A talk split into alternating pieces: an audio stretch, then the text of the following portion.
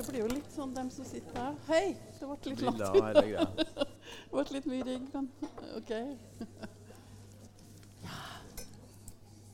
Hei, alle sammen.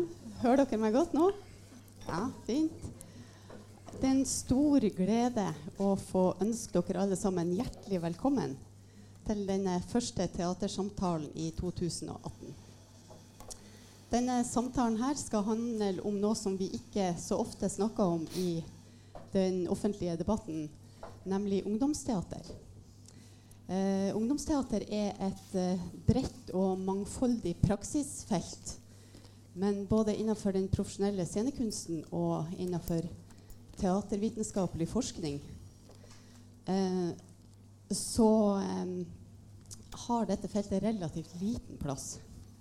Så dette møtet har kommet i stand for å sette dette området på kartet og for å få i gang en samtale som forhåpentligvis kan generere ny aktivitet og nye samarbeidskonstellasjoner i vårt nye Trøndelag fylke.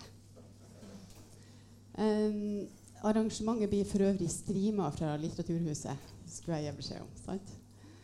Um, teatersamtalen er et samarbeid mellom Trøndelag Teater, Teaterhuset Avantgarden, Turnéteatret eh, i Trøndelag og Institutt for kunst og medvitenskap, program for dramateater ved NTNU. Eh, det er altså en eh, stor dag at vi har klart å samle så mange spennende og høyt kvalifiserte folk til å tenke høyt i lag eh, om temaet ungdomsteater. Og i panelet i dag så har vi med oss Kristoffer Grønskag. Ja! som er universitetslektor og ung og fremadstormende dramatiker. ja! Jeg vet ikke om jeg er så ung lenger. Jo da. Kristoffer har skrevet et teaterstykke som heter 'Å telle til null'. Eh, det er en del av dere som kjenner til det. Opp med ei hånd de som har hørt om å telle til null. Ja, Ok. det er fint. Kvalifisert publikum. Oi. Kanonisert verk allerede. Eh, for det ble spilt eh, rundt 30 ganger eh, av ungdomsteatergrupper rundt omkring på Den unge scene i 2017. Og er altså nominert til Ibsenprisen i 2017.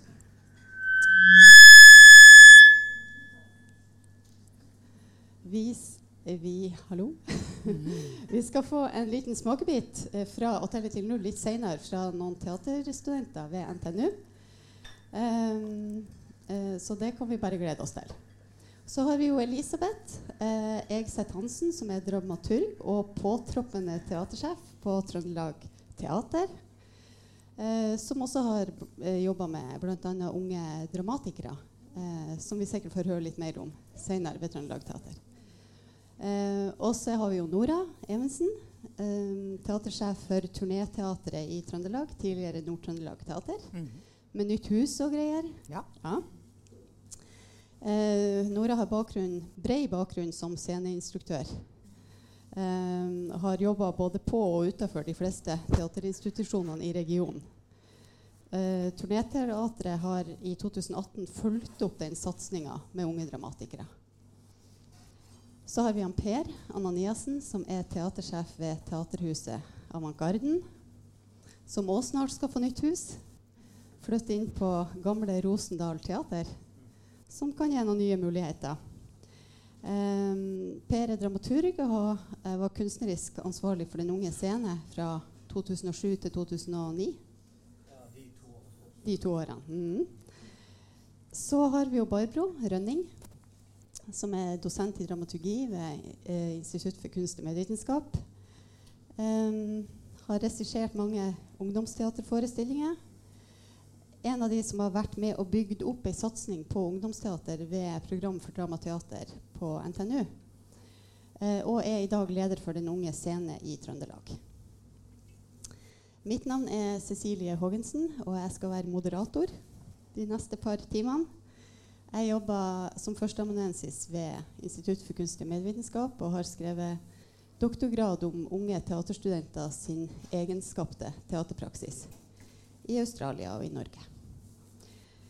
Um, så planen for i dag er at vi skal snakke i lag nå de neste, den neste halve timen eh, ca. Eh, før vi får et eh, kunstnerisk, lite kunstnerisk innslag. Og der blir det anledning til å kjøpe seg mer å drikke og gå på toalettet og sånn. Og så skal vi ha en ny samtalebolk eh, der vi kan se fremover hva vi kan gjøre for å styrke dette feltet i fellesskap. Til slutt så blir det en sånn 15 minutters runde med spørsmål fra salen. Så når dere brenner inne med alle de gode spørsmålene og konstruktive innspillene, så tar dere de med til slutten av samtalen. Fint. Det er planen. Eh, men før vi fortsetter, så hadde jeg lyst til å spørre om det var noen i panelet som har noen minner fra arbeid med ungdomsteater, eller har sett noe ungdomsteater, eller i det hele tatt noe som har gjort noe inntrykk på dere noen gang. Jeg tenkte vi kunne starte med det. F.eks. Kristoffer. har du? Skal jeg starte? Ja, det kan, Det kan jeg godt. Hvis det er noen av dere som har. Eh, jo, jeg tenkte på det etter at du spurte om det på mail. da. Og så eh, kom jeg på eh, Per må hjelpe meg, fordi det var en forestilling av Tore Wang Lid som var polyfoniapparisjoner. var det det het? Ja. Det eh, var en veldig fin opplevelse for meg. Det var ungdommer som spilte, ikke sant?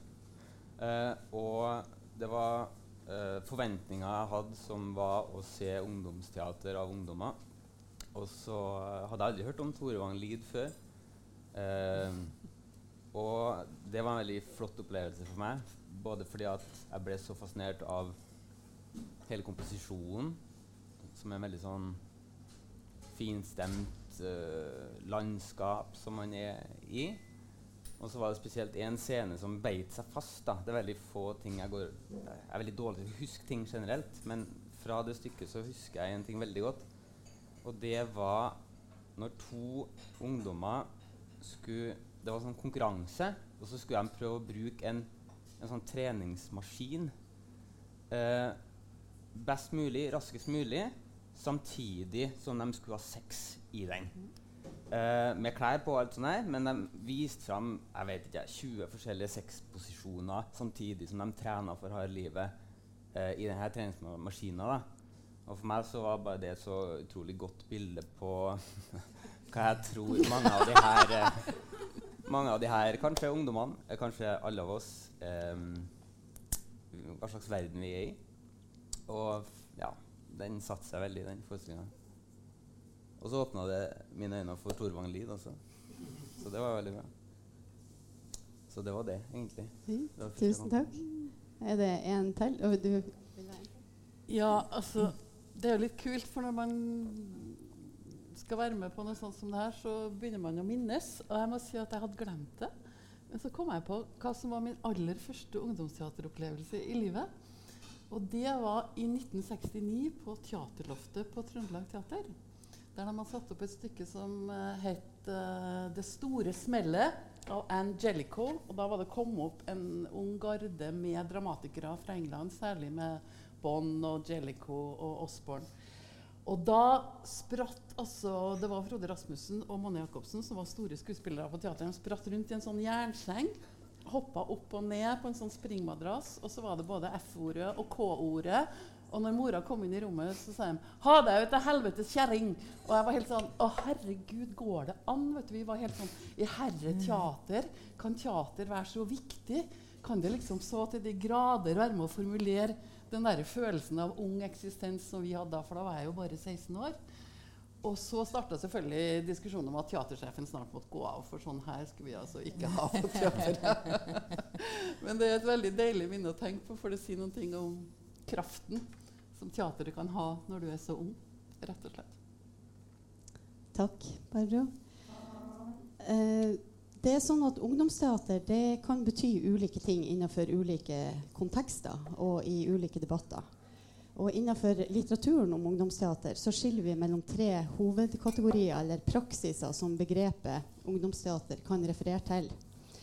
Og det finnes så klart en hel underskog av praksisvarianter. Eh, men det er tre hovedforståelser for hva ungdomsteater refererer til. Eh, det ene er teater eh, som er laga av voksne eh, og blir spilt av voksne for ungdom som publikum. Og dette er en utbredt praksis i f.eks. Den kulturelle skolesekken, der vi har kompani som lager og spiller teater for eh, eh, aldersspesifikke barne- og ungdomsgrupper. 8., 9. trinn. Den type teater. Og innenfor eh, institusjonsteatrene og det frie feltet så opererer man jo ofte med barneteater og, og, teater for voksne.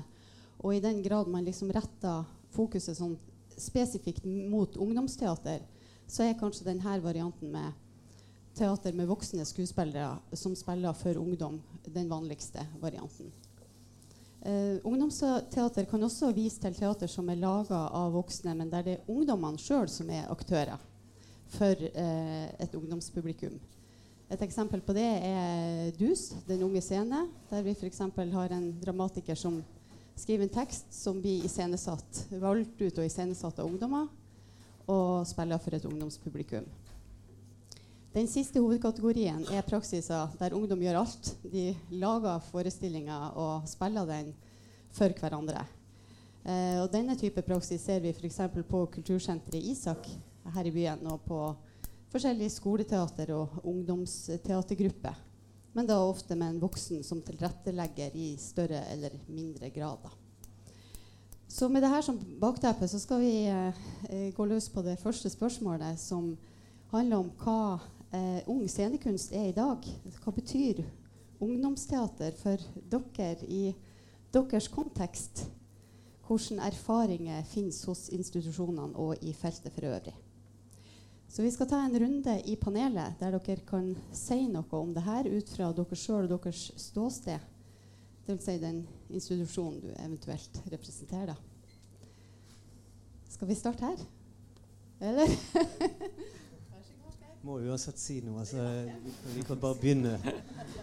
Eh, pinligere å komme etter meg, så Nei, um, takk. Eh, takk for de tre kategoriene. Jeg har lyst til å kommentere litt eh, på det, eh, kanskje etter hvert. Men eh, selvfølgelig nokså enig om at det er sånn det hovedsakelig forholder seg. Det um, er jo selvfølgelig veldig interessant. Men det, verden er ikke eh, bare fire, tre kategorier innenfor ungdomsteater. Det er faktisk en fjerde år som jeg vet om. Og kanskje en femte og sjette også. men, men, det fins sikkert en underskog. Um, ja. Uh, nå er Det sånn at det er veldig interessant at det er um, de eneste som ikke husket uh, ungdomsteateropplevelser, det var vi tre teatersjefene. Og det er jo kanskje en grunn til at det er så lite ungdomsteater. Vi, vi ikke, det har ikke bitt seg fast. Men jeg har faktisk lyst til å fortelle om en historie som altså Første gangen jeg så uh, ungdomsteater, eller første gang jeg så teater etter at jeg var barn. Um, um, for man gikk jo på barneteater på Den nasjonale scenen i Bergen. Um, ungdomsteater fantes det jo nesten ikke. Uh, fordi at de hadde sin faste barneteaterforestilling klokken halv fem. Og så var det sceneskifte, så var det halv åtte, så var det voksenforestilling på hovedscenen. That's it. Og så var det eksperimentelt på, på uh, lille scene. Og så etter hvert fikk de småscenen, um, uh, som, der det mer eksperimentelle gikk. da. Uh, så lite ungdomsteater. Men jeg så ungdomsteater i Bergen i 1982, tror jeg det var. Det var med kjæresten min, uh, hun som var kjæresten min den gangen. Og vi så talende nok en forestilling som het 'Kjærleik'. Um, Det er jo, det er jo liksom interessant altså, Selvfølgelig ingen som ville kalt et ungdomsteaterstykke 'Kjærlighet' i dag, så det viser at tiden har gått. Men um, det var veldig fint og veldig fascinerende og uh, lekent. Og de som spilte i den forestillingen, det er faktisk foreldrene til uh, uh, Audun Lysbakken. For de drev et teater. så det handlet veldig mye om kjærlighet og sex. da. Um, de fikk bare ett barn, men, um, men, de var opptatt av det. Men det var en veldig fin forestilling fordi at det var voksne som spilte. Uh, og det var de, um, de, de, liksom traff noe. Jeg var 17 år den gangen. Uh, og de traff noe i meg uh, som Jeg vil ikke si at jeg ble interessert i teater, da, men jeg ble interessert i å tenke over emnet, um, temaet. Um, og i vår tid altså Nå er det jo sånn at man, man, det finnes jo en mulighet for å være med på noe. altså man, I dag kan man jo søke seg på videregående skole på, hvis man er teaterinteressert, eller gå på kulturskolen eller noe sånt. Den gangen fantes det veldig, veldig lite. Um, så det tror jeg liksom Jeg har lyst, lyst til å si akkurat dette fordi at det, det sier litt om hva, hva, vi faktisk kommer av. I hvert fall jeg, da. Jeg er kanskje den eldste av oss teatersjefer. i hvert fall hva jeg kommer fra, uh, og hva som er min ballast. sånn sett. Uh, selv om jeg har en veldig uh, sterk interesse for ungdomsteater. Og må også skynde meg å si at det er supervanskelig tema. Det, det, det, det syns jeg er det vanskeligste å snakke om. For det, man blir veldig sånn og får veldig lett sånn pekefinger mot seg når man driver, driver, teater. Og når det gjelder akkurat det, det såre punktet som handler om ungdomsteater. Men man retter den pekefingeren mot seg sjøl også. Det, det, er sånn at det er noe som man som gnager hele tiden. Um, det er en veldig vanskelig målgruppe. jeg oppfatter ikke denne forsamlingen sitter her som ungdommer. selv om dere er veldig mye, yng mye yngre enn meg, de fleste i hvert fall. Um, ungdommer i denne betydningen det kan vi jo selvfølgelig diskutere. De opplever jeg som uh, de som ikke er myndige ennå. Lenger. de som ikke er myndige ennå.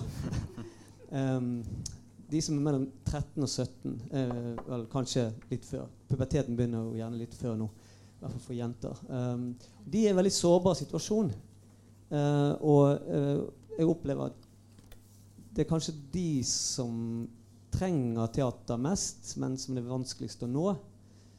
Um, eller det er vanskelig å si om det er de som trenger det mest, men uh, jeg har jo barn som er i den aldersgruppen uh, imellom der.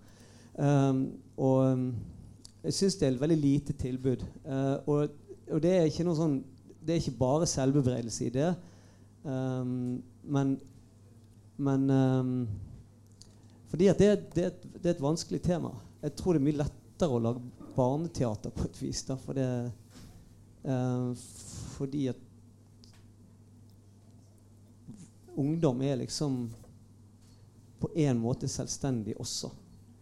Eh, og kan ta selvstendige valg. Og vi forventer at de skal ta selvstendige valg, men de har på en måte ikke de samme ressursene til å ta selvstendige valg heller. Så de er i en veldig sånn utsatt posisjon, syns jeg. Og eh, når det gjelder de kategoriene, så er det sånn at ja, vi, det, er, det, er, noen ting her som reflekterer at eh, voksne tar valg på vegne av uh, ungdommer. Um, og sånn kommer det alltid til å være uh, så lenge de er avhengige av oss på et eller annet nivå. Um, så De to første kategoriene som heter teater for ungdom, og, og, og, og den andre kategorien som er sånn modell, som DUS-modell, der ungdom spiller noe som er skrevet av voksne profesjonelle. Um, det mm,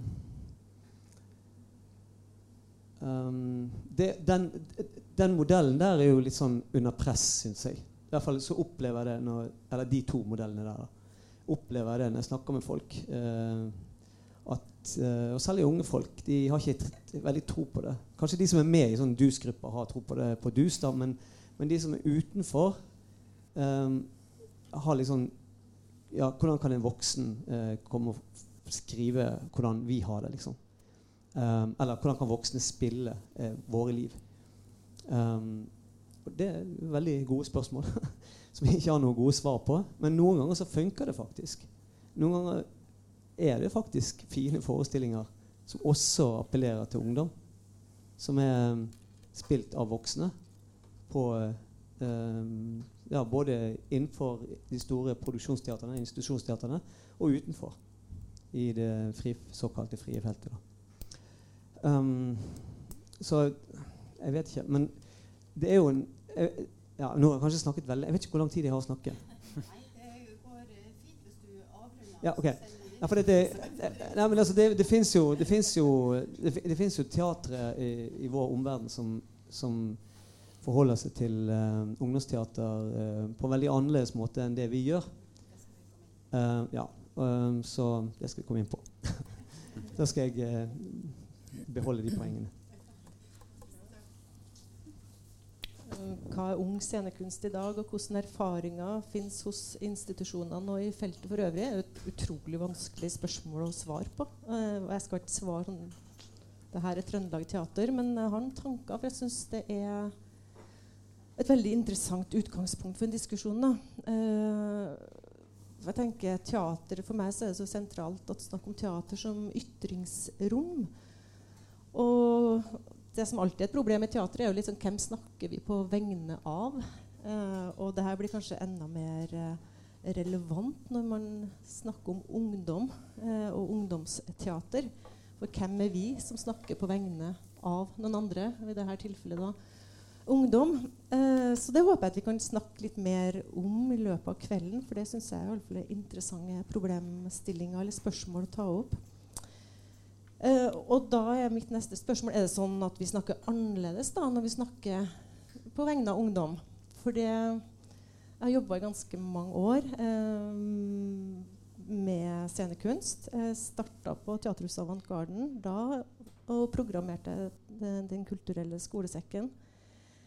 Og allerede da så opplevde jeg veldig ofte at man har plutselig et annet språk. Man snakker veldig annerledes når man snakker om kunst retta mot barn og unge. I dette tilfellet ungdom. Eh, og vi blir veldig opptatt av merverdi med en gang vi snakker om eh, ungdomsteater. Eh, og mer enn når vi snakker om voksenteater. Eh, og så gjorde vi oss noen interessante erfaringer når jeg da var med på en av de første unge dramatikere. Eh, hvor da ungdom ble invitert inn til å skrive tekster for teater. Eh, ungdom i alderen 13 til 19 år kunne delta i en konkurranse. Og så valgte vi blindt ut ifra de tekstene. Vi, det var noen som tok imot dem og sletta alder og kjønn på avsenderen. Og så leste vi. De kunne sende inn hva som helst. Det kunne være en idé på tre linjer. Det kunne være et dikt. Det kunne være en, en, en stil fra fra skolen, eller det kunne være uh, et påbegynt manus i en, altså en dramatisk form. Uh, og så var det åtte av dem som ble valgt ut. Og det som da slår meg, er jo at det her, det som opptar de her unge menneskene, det er jo det samme tingene som opptar meg som voksen. Uh, det er jo de her store eksistensielle spørsmålene. Det er, det er jo ting som angår meg like mye. Altså, det trigger ting i meg på samme måte som såkalt voksenteater trigger ting i meg. Eh, og det hadde jeg sett veldig lite av tidligere. I min, altså min erfaring med å jobbe med teater retta mot ungdom, som kanskje hadde vart i 10-12 år. Men da, når du leser ungdommene sine egne tekster, så var det noe helt annet som sto på spill.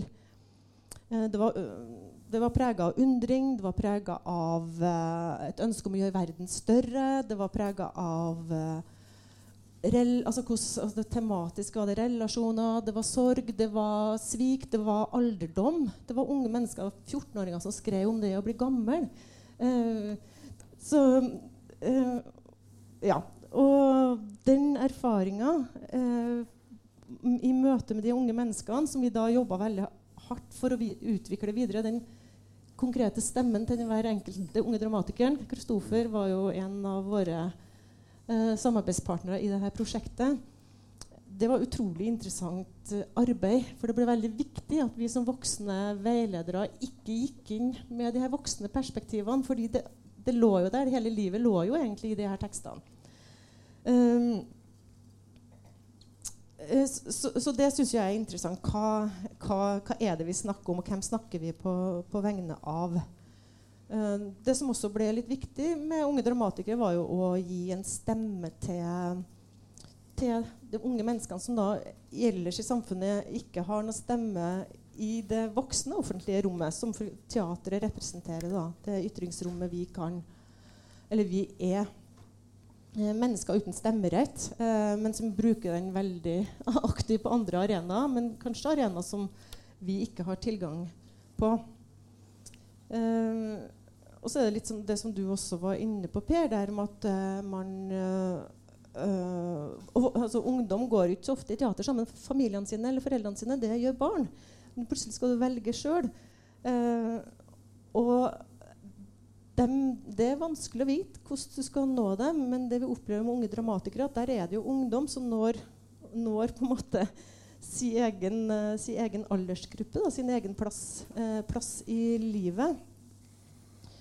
Uh, Unge dramatikere var jo skrevet av ungdom, men vi iscenesatte dem jo som produksjoner med skuespillere fra teatret. Vi laga små forestillinger av de, de, tekstene de har skrevet. Uh, det er jo noe som vi utvikla videre sammen med Rita Abrahamsen. Det er viktig å si at det er et prosjekt i samarbeid med Rita Abrahamsen og Kjernehuset. Det er ikke bare Trøndelag Teater sitt prosjekt. Eh, vi laga en utvikling av det her og søkte videre midler fra Kulturrådet. En, en del to, som da Turnéteatret har uh, fulgt opp. Som også er veldig spennende. Der de unge dramatikerne som har vært med i de seks første rundene, kunne søke om å få være med og jobbe ytterligere med sine, sine tekster. Det har iallfall gitt meg noen tanker, eh, det arbeidet med unge dramatikere og møtet med de unge stemmene. Det har gitt meg noen tanker og noen verktøy i forhold til hvordan man kan tenke og møte et, uh, møte et ungt publikum.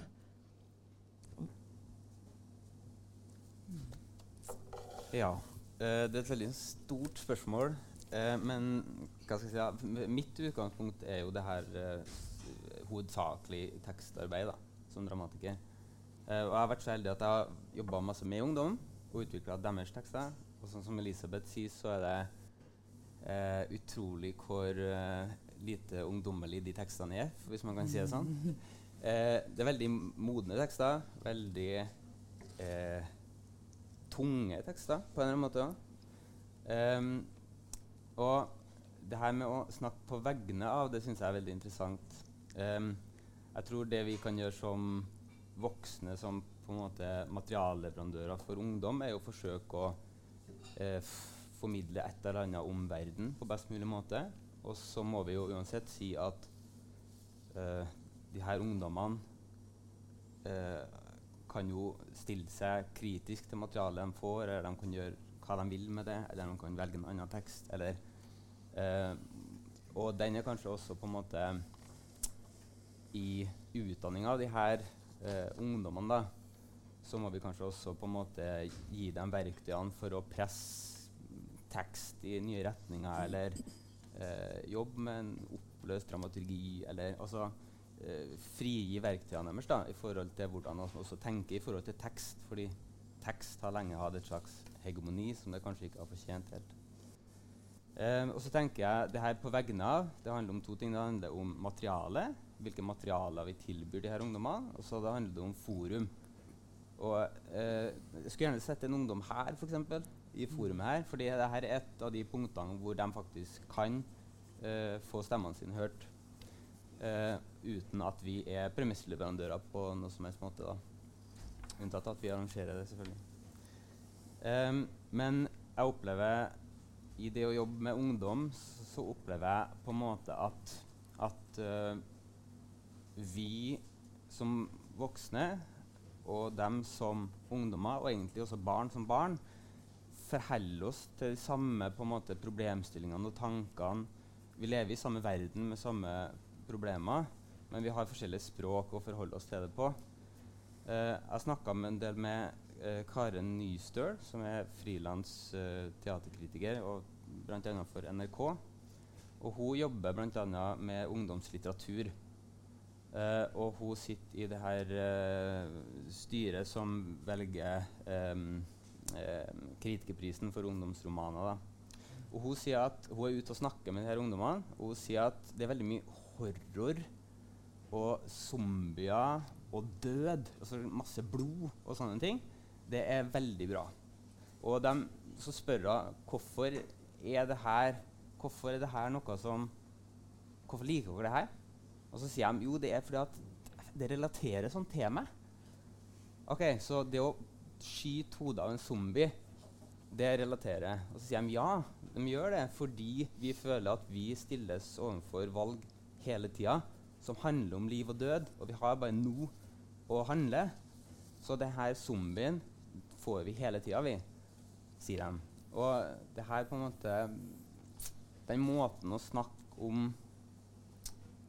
tematikk og språk, og kanskje også formspråk, syns jeg er veldig interessant i forhold til ungdomsteater, da. Ga det mening? Det jeg sa? OK, bra. Jeg snakker bare, jeg. ja. Eh, nå er det jo sagt veldig mye fint og bra om uh, ungdomsteater uh, allerede. Eh, Jeg kan godt nevne noen Jeg har mange minner å ta av. Jeg, jeg har to som jeg har lyst til å nevne. Det ene fordi at de er av ulik karakter. Det ene er min egen opplevelse, og så er det opplevelsen av å jobbe med andre. Eh, og for meg så tror jeg en av de første eh, eh, opplevelsene av å liksom bli truffet av teater og synes at det her var dødskult og gikk liksom rett i fletta på meg, det var Tramteatret. Og jeg tror den het 'Det enkleste er pistol', som var på mm. gymsalen på Tromstun ungdomsskole i Tromsø. Og da, det å, liksom, at det kom ei gruppe, teatergruppe inn i gymsalen og rigga seg til og spilte teater, det var utrolig bra. Eh, så jeg ble vel litt, litt sånn slått i bakken av det. Eh, og der, men samtidig så tenker jeg at for meg som ungdom så husker jeg at det å gå på eh, teater, altså voksen, liksom voksne forestillinger, det var minst like relevant. Det syns jeg var utrolig eh, eh kult. Um, og så har jeg eh, jobba mye med ungdom. Jobba med å lage forestillinger. Eh, både for ungdom, litt sammen med Kristoffer. og Eh, og også sammen med ungdommen. En opp, veldig fin opplevelse jeg hadde med det, det var for Trondheim kommunale kulturskole. Hvor jeg samarbeida med ei som heter Katja Brita Lindeberg, som er, er utdanna klovn. Som kan veldig mye om det med klovning. Og hvis man jobber med klovn som uttrykk, så legger man på en måte, da får man den der røde nesen eh, satt på seg, og da er man noen andre enn seg sjøl.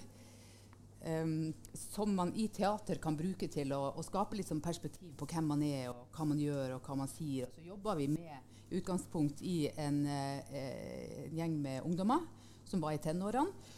Um, og, og laga en forestilling som het uh, Crunch, som handler om å være i en boksering. Og så skulle de bokse med hverandre og forholde seg til hverandre og forandre sine, sine følelser. Og sånne ting. Og det som var uh, veldig flott, det var for det første at vi kom veldig sånn tett inn på dem. At de ga veldig av seg sjøl. Uh, og så hadde jeg en samtale med dem i, i, starten av prosjektet og etterpå. Og det å høre hvordan de på, i, i, etterkant av prosjektet var i stand til å, å, sette ord på ting som de ikke hadde et språk for i starten av prosessen, det var utrolig kult. Og det var en sånn opplevelse jeg hadde av å, eh, av å ha holdt, med, holdt, på med noe meningsfylt. Og forskjellen på det her to tingene er at det ene var da var jeg som konsument av noen, forestilling som noen voksne hadde laga. Det andre det var eh, ungdommene sin egen prosess. Teater jo, jo, brukes jo ofte som terapi. Eh, og jeg tror at det ofte har et sånn terapeutisk aspekt ved seg. Og det inngår jo i den delen av ungdomsteater som handler om å skape sjøl. Eh, det kan jo være selvfølgelig en slags terapi å se på teater òg, men jeg tror at i enda større grad når man på en måte er, går gjennom en prosess og bruker av seg sjøl og øser av seg sjøl, så er det noe som kan være veldig sånn eh, godt og eh, nyttig, kan man kanskje si, i den viktige fasen man er i i tenårene. Så det med å finne sin egen stemme og lete i seg sjøl og tørre å gå over noen sånne grenser, da. Eh, min bakgrunn har også, også, vært innenfor skolerevy. Det er også en slags sånn ungdomsteater. Eh, da skaper man i veldig stor grad sjøl. Men det med å lage og skrive sjøl og kjenne at man har en stemme, og at man har, eh, kan gi det en form, det, er, det, har vært kjempeviktig for meg. Og det vet jeg også er en, et viktig aspekt eh, i, i, det å jobbe med teater for og med eh, unge. I, eh, eh nå som jeg jobber som teatersjef på Turnéteatret i Trøndelag, så så, så er, det viktig for meg å finne og på en måte se hvor, hva jeg kan få til innenfor de rammene jeg holder på, jeg har. Eh, det å lage teater for barn og unge er viktig for oss. Vi er opptatt av å skape eh, nye forestillinger. Og erfa erfaringa jeg gjør meg der, er jo at eh, akkurat det som er nevnt før her, at ungdom er en vanskelig gruppe å nå fordi at de er ikke spesielt kjøpesterke. Eh, altså man, man, blir, man blir ikke med familien sånn som barn blir.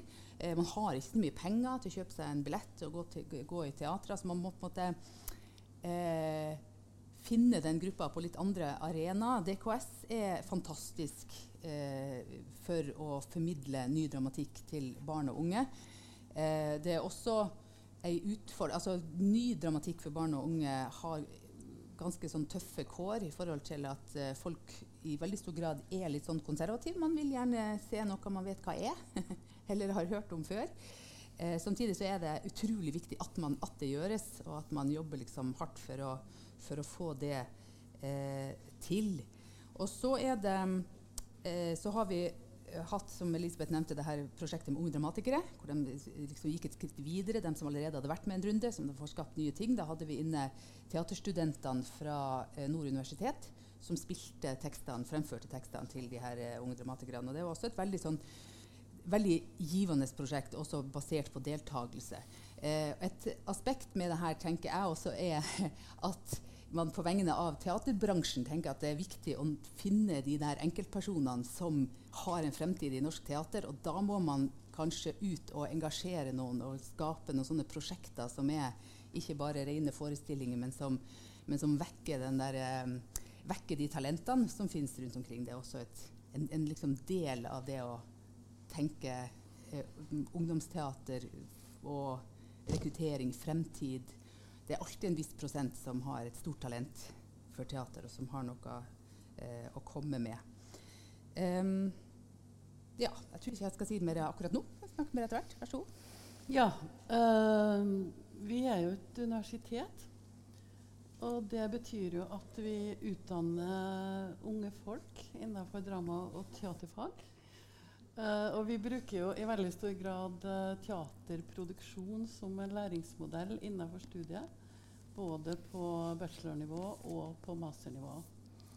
Og der har jo ungdomsteater vært en lang tradisjon hos oss. Altså, vi begynte vel med det her på 90-tallet. Veldig inspirert egentlig av det som den gangen kaltes gruppeteatertradisjon. Og som var veldig utvikla, særlig når det gjaldt dramatikk og nyskapende teater i Sverige og Danmark. Så vi dro dit og ble veldig inspirert av Unge Klara, Bakkateateren, Unga Riks osv. Og, så og gjorde egentlig mange produksjoner på Universitetsteatret på 90-tallet som handla om dramatikere som ikke ble spilt noe annet sted i Norge. Det var Staffan Goethe, det var Lene Knutson, det var flere. Så har det her utvikla seg videre. I dag så er vel vårt store flaggskip det vi kaller for Prosjektteater for ungdom. Som handler om at uh, vi jobber med egenskapte prosesser som uh, Cecilie leder. Og drar ut på Og der er i Cecilie sitt arbeid, så i vårt arbeid overhodet, så er jo dette med den unge livsverden veldig et sentralt begrep. Altså hvordan kommer vi oss i kontakt? Hvordan får vi liksom utveksla med disse unge folkene på ungdomsskolene? Og da har vi utvikla et samarbeid med både Markaplassen og eh, Luseby og Hoeggen og Charlottenlund skole. Så vi spiller altså teater for 2000-3000 ungdommer, altså alle disse ungdommene på disse skolene, i løpet av den uh, forestillinga på høsten. Så har vi uh, på master også flere ungdomsteaterproduksjoner. Trine sitter her. Jeg har hatt gleden av å se en forestilling på Rosenborg som het hashtag uh, virkel, 'virkeligere enn virkeligheten'. Er det virkelig, virkelig, ja? Og da ble jeg så Det handla om et døgn var det vel, i noen ungdommers liv. Og de våkna med det nye kosedyret, som selvfølgelig er den der telefonen med det blå lyset i ansiktet. Og det siste de gjorde da de la seg den kvelden, var å se ned i det nye kosedyret. med det blå lyset i ansiktet. Og så handla det egentlig om hendelser som da ble utvirka veldig mye i samspill med det som ble projisert, altså som var digitale medier og sosiale medier på veggen. Og da opplevde jeg liksom, For det første så opplevde jeg at de fikk noen sånne enorme reaksjoner fra salen. Det var liksom puff, Plutselig så var 200 ungdommer på, og jeg skjønte ikke liksom helt hva var det koden var her. for det andre, Og så opplevde jeg også at det var fordi ungdommene hadde laga en egen forestilling etter at deres forestilling var spilt. Som uh, var deres egne improvisasjoner. Og det var sånn jævla loser, jævla hore. Altså det var en språkbruk som var så sterk. Og jeg ble liksom nesten helt satt ut og tenkte Gud, sårbare mennesker, hvordan er det å ha komplekser for kroppen sin og ikke strekke det og ikke ha den nye mobiltelefonen og alle de disse tingene. Så eh, jeg kom egentlig i den tanken som jeg syns er veldig viktig, og det er Jeg har jobba med ungdomsdramatikk i, fra 70-tallet, liksom. Fra HT laga det her jeg hører til, som handler om å okkupere et hus oppe i Tromsø via både norske og svenske dramatikere på 90-tallet fram til i dag. Og det jeg syns er spennende med ungdomsteater og ungdomsdramatikken, det er at den veldig ofte, som jeg syns i det tilfellet på Rosenborg, at den griper fatt i noen sånne underliggende strømninger før de liksom har kommet ordentlig til overflata. og at endringene vi ser i de ungdomssceneuttrykkene, i veldig stor grad speiler den unge identiteten, og at den forandrer seg. Den var annerledes på 90-tallet enn den var i dag. Det betyr at dramatikken er annerledes enn den var da. Og det tenker jeg er Jeg tenker at ung scenekunst kan være med å fornye teatret. Og Derfor syns jeg at ungdomsteater er viktig også ut fra et sånt uh, rent kalle kunstnerisk perspektiv. Vi kommer sikkert tilbake til masse andre grunner for å holde på med ungdomsteater, men jeg, jeg tenker faktisk at den derre evnen det har til å løfte opp de her uh, underliggende strømningene vi ikke riktig har fått tak i, det syns jeg er både en estetisk, formessig og tematisk uh, viktig del av det å jobbe med ungdomsteater. Fint. Tusen takk, Barbro. Da nærmer det seg faktisk at vi skal ha et uh, lite kunstnerisk innslag her. Eh, vi skal fortsette eh, etter den, den Vi skal gjøre noe annet i noen minutter nå. og da skal vi snakke videre om hvilken plass ungdomsteatret kan få ha i det regionale landskapet vårt fremover det nye trønderske scenekunstrommet, som Barbro har kalla det for. Genialt! uh, og da uh, tenker jeg at det her som dere har sagt nå, handler jo i stor grad om at man kan tilrettelegge særlig på to måter i forhold til det med ungdomsteater. Det ene er å se på ungdom som kulturprodusenter som produserer teater sjøl, som tar gir uttrykk for sin egen livsverden og nye strømninger i kulturen, sånn som du sier, Børbro, før, før resten av samfunnet har sett det omtrent. Eh, hvilken rolle kan man spille i den prosessen med å gi rom og plass og i det hele tatt eh, innganger mm. eh, på dette? Det finnes det jo mange eksempler på innenfor det eh, nasjonale eh, teaterfeltet og internasjonalt, som dere helt sikkert har erfaringer med, som vi skal få høre om også. Og så er det det andre som handler om å spille teater som er mer sånn retta mot ungdom som publikum, som, som, eh, som, kan være ganske vanskelig og et litt sånn sårt punkt, som Per uttrykker det her. sant? At vi skal tenke litt fremover på hvordan vi eh, kan lage noen nye plattformer som gjør at vi kan eh, bli enda bedre på dette fremover.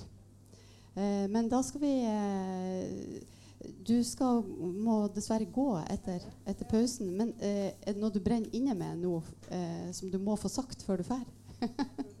det går fint? Dette er bare starten på en samtale, så vi skal få høre mer etter hvert. Det er jeg helt sikker på.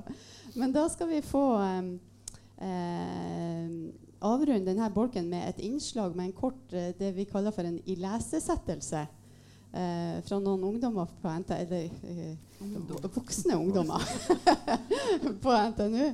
Eh, som skal gi oss en liten smakebit på Kristoffers sitt stykke og telle til null'.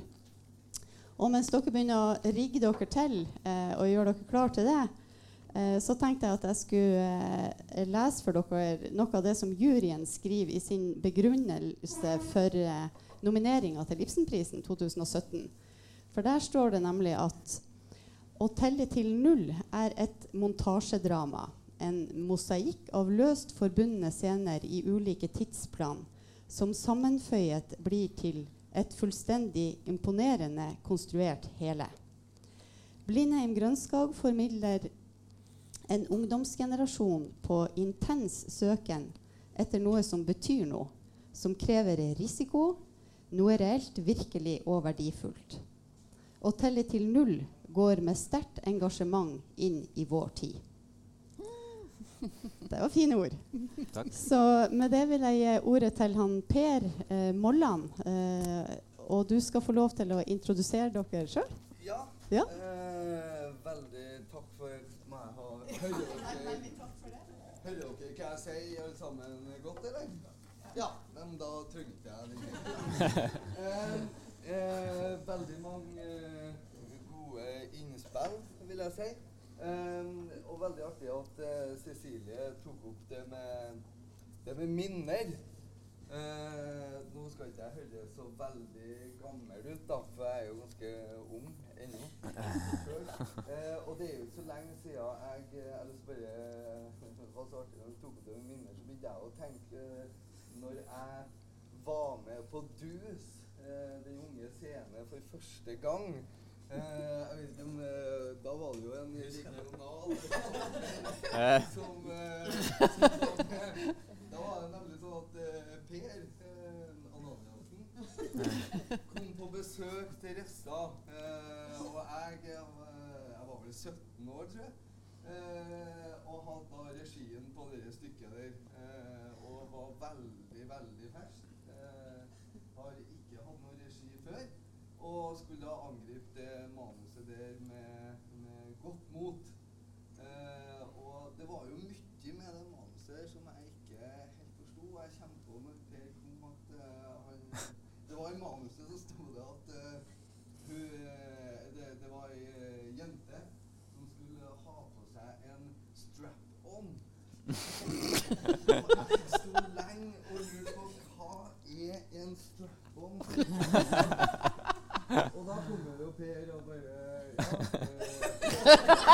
Vet du kan er for noe? Begynte å fortelle meg, og så jeg, og jeg tok det jo egentlig ganske bokstavelig også. Så jeg bare Å ja, men eh, må vi virkelig begynne å fitte noe sånt, da? Eh, nei, og eh, da var det eh, Per kom med de gode ordene at nei, du må ikke ta det så bokstavelig, den som står der. Du må, du må se litt mer rundt det, og hva, hva slags eh, betydning har det. Og da fikk jeg jo løfta opp øynene. og skjønt litt, «Å ja, Så det er sånn jeg skal tenke. Og, eh, og en sånn annen ting som jeg husker på når Per eh, kom til Rissa, var, var betydninga av hendene. Kommer han på. Du, du var veldig sånn tydelig på liksom, Per, du må, du må se på hendene. Hva betyr dem? Og det, litt- det, det setter igjen faktisk. Mye av det jeg holdt på med nå, så tenkte jeg ok, hva, hva kan jeg bruke med hendene nå? uh, ja. Uh, jeg skulle egentlig snakke om å telle til null. uh, men det var egentlig ganske fint det du sa, så jeg skal holde meg kort. Vi skal fremføre tre deler av det manuset som jeg har eh, plukka fram. Som jeg syns eh, Som for meg var veldig eh, interessant, og som jeg syns var verdt å, å ta med her. Eh, jeg, jeg kommer sikkert til å si noe imellom. Eh, det kommer til å gå i en flyt. Eh, først så kommer vi til å møte tre ungdommer som eh, Hva skal jeg si Som er på, på jakt etter kanskje et lite rush. Et kick. Eh, og når vi har møtt dem, så går vi over i en litt mer monolog. Der vi møtte en person. Eh, og så tar vi en avslutning. Ja. Da vil jeg at dere skal vi bare gå, kanskje? Ja, dere må flytte dere kanskje litt. Ja, ja. Stemmer det.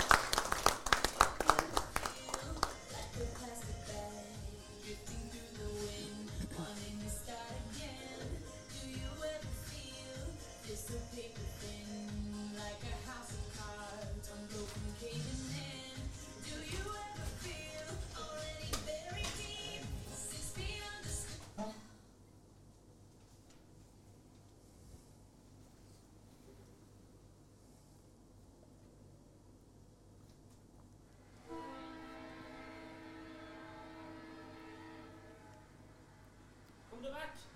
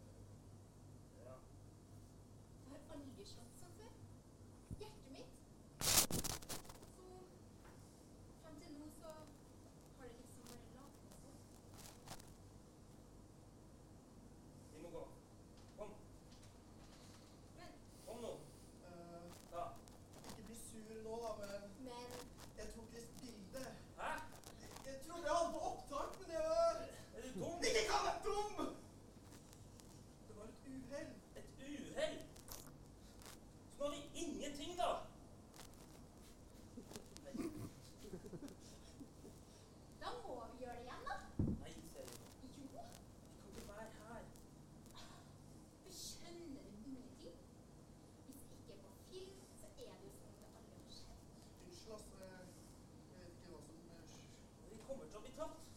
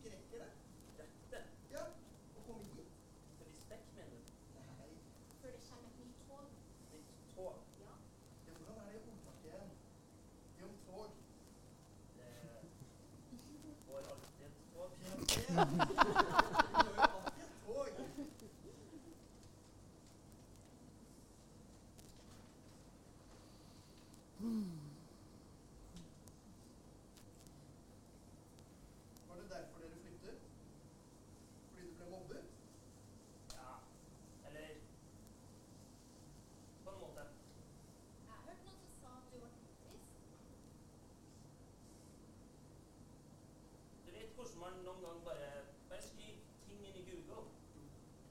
Ikke sant? Ikke fordi man mener det, men, men kanskje man bare er nysgjerrig eller noe.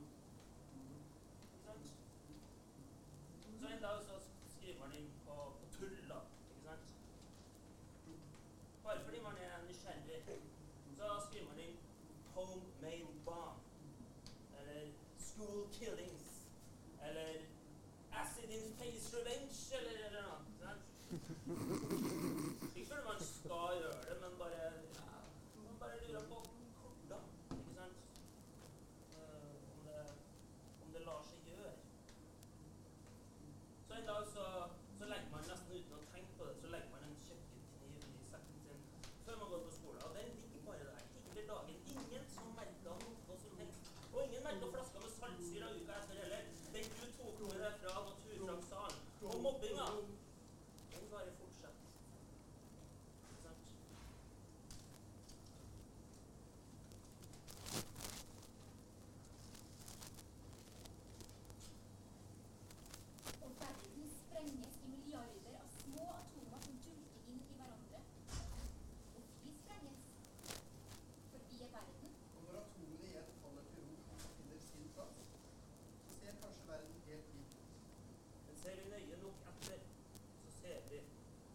en ny verden som Do you ever feel.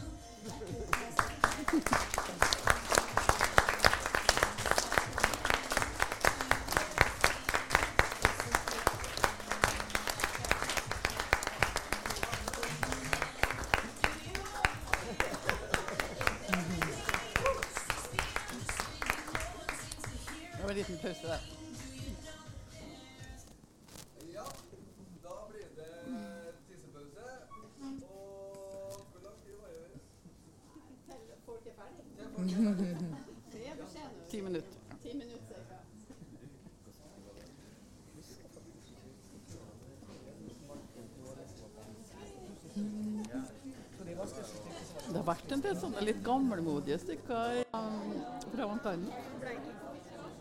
Fikk du på Kartli. Faen. Hvem var det som fikk jobb, vet du nå? Aner ikke. Fire av 50 sekunder eller sånn. Og jeg var ikke Jeg tror det er en intern.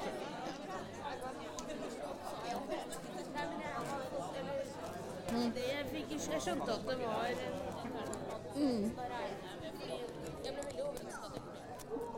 Ja. Det må jeg innrømme. Det, det synes jeg bare så Maybe you are too dangerous. Maybe you are too dangerous. Er jeg på riktig? Jeg tok en av i pausen her. There's a lot of things. Takk. Vi snakkes. ja, men altså. Vi gjør det sånn her.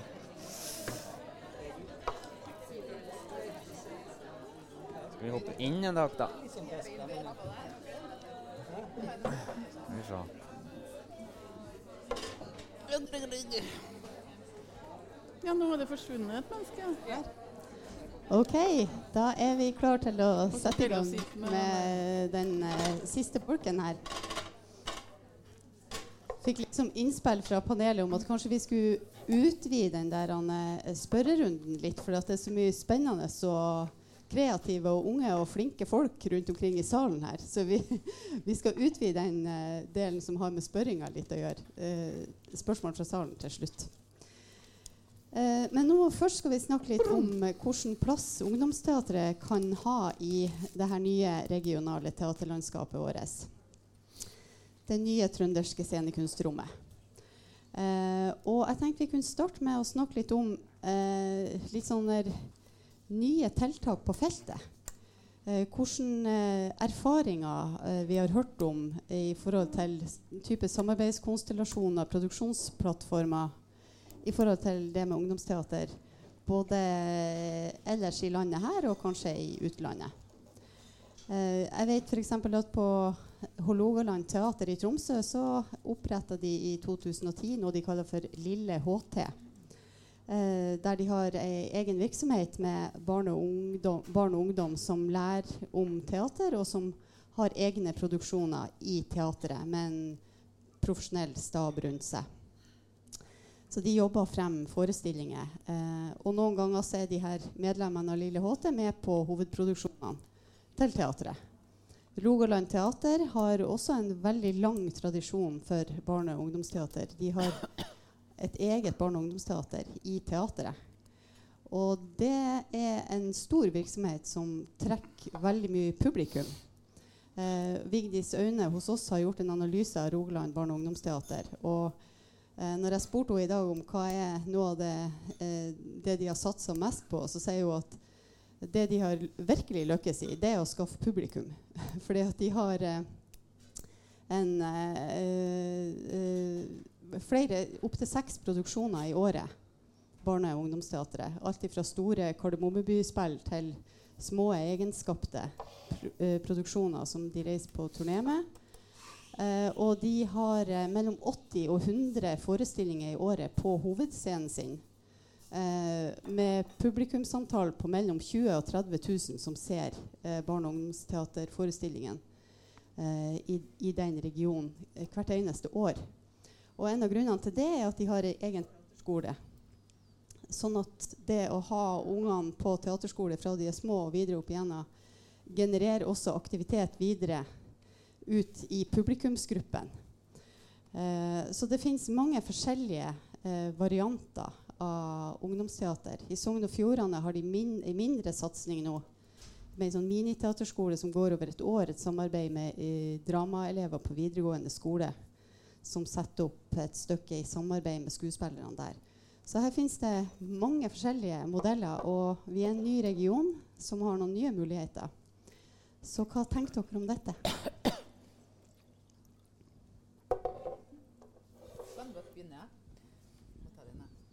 Ja.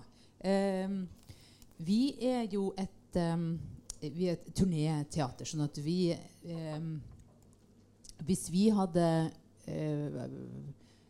Hvis vi satser veldig tungt lokalt eh, på en måte som går utover det vi kan gjøre med, på turné, så, så har vi eh, liksom ikke gjort det vi skal. på en måte. Sånn at der må jeg eh, tenke litt lurt når vi skal satse på Når vi skal gjøre ting annerledes.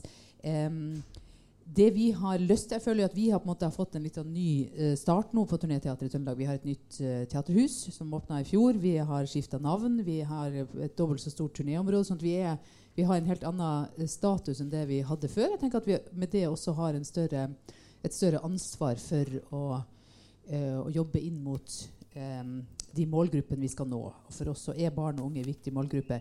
Um, en ting som vi gjør, det er at vi, har, vi starter opp en sånn sommerteaterskole for å bruke eh, bygg altså tenk at de, Det å ha lokaler, det åpner for muligheter. eh, det er et sted å være, og det er fasiliteter som gjør det attraktivt å, å være der. Eh, som vi ønsker å bruke bygget til å ha eh, teater, sommerteaterskole. Det vi, hadde vi en pilot på i fjor. Vi gjør det i, i år også. Der er alders, eh, altså målgruppa 13 til 16 år kommer også til å være et kurs for noen som er 16 til eh, 22. Eh, men eh, det, handler om å gi et, det handler om å gi et tilbud. Så det er på en måte én måte å tenke på. Så eh, har vi veldig lyst til å, å skape en, en festival.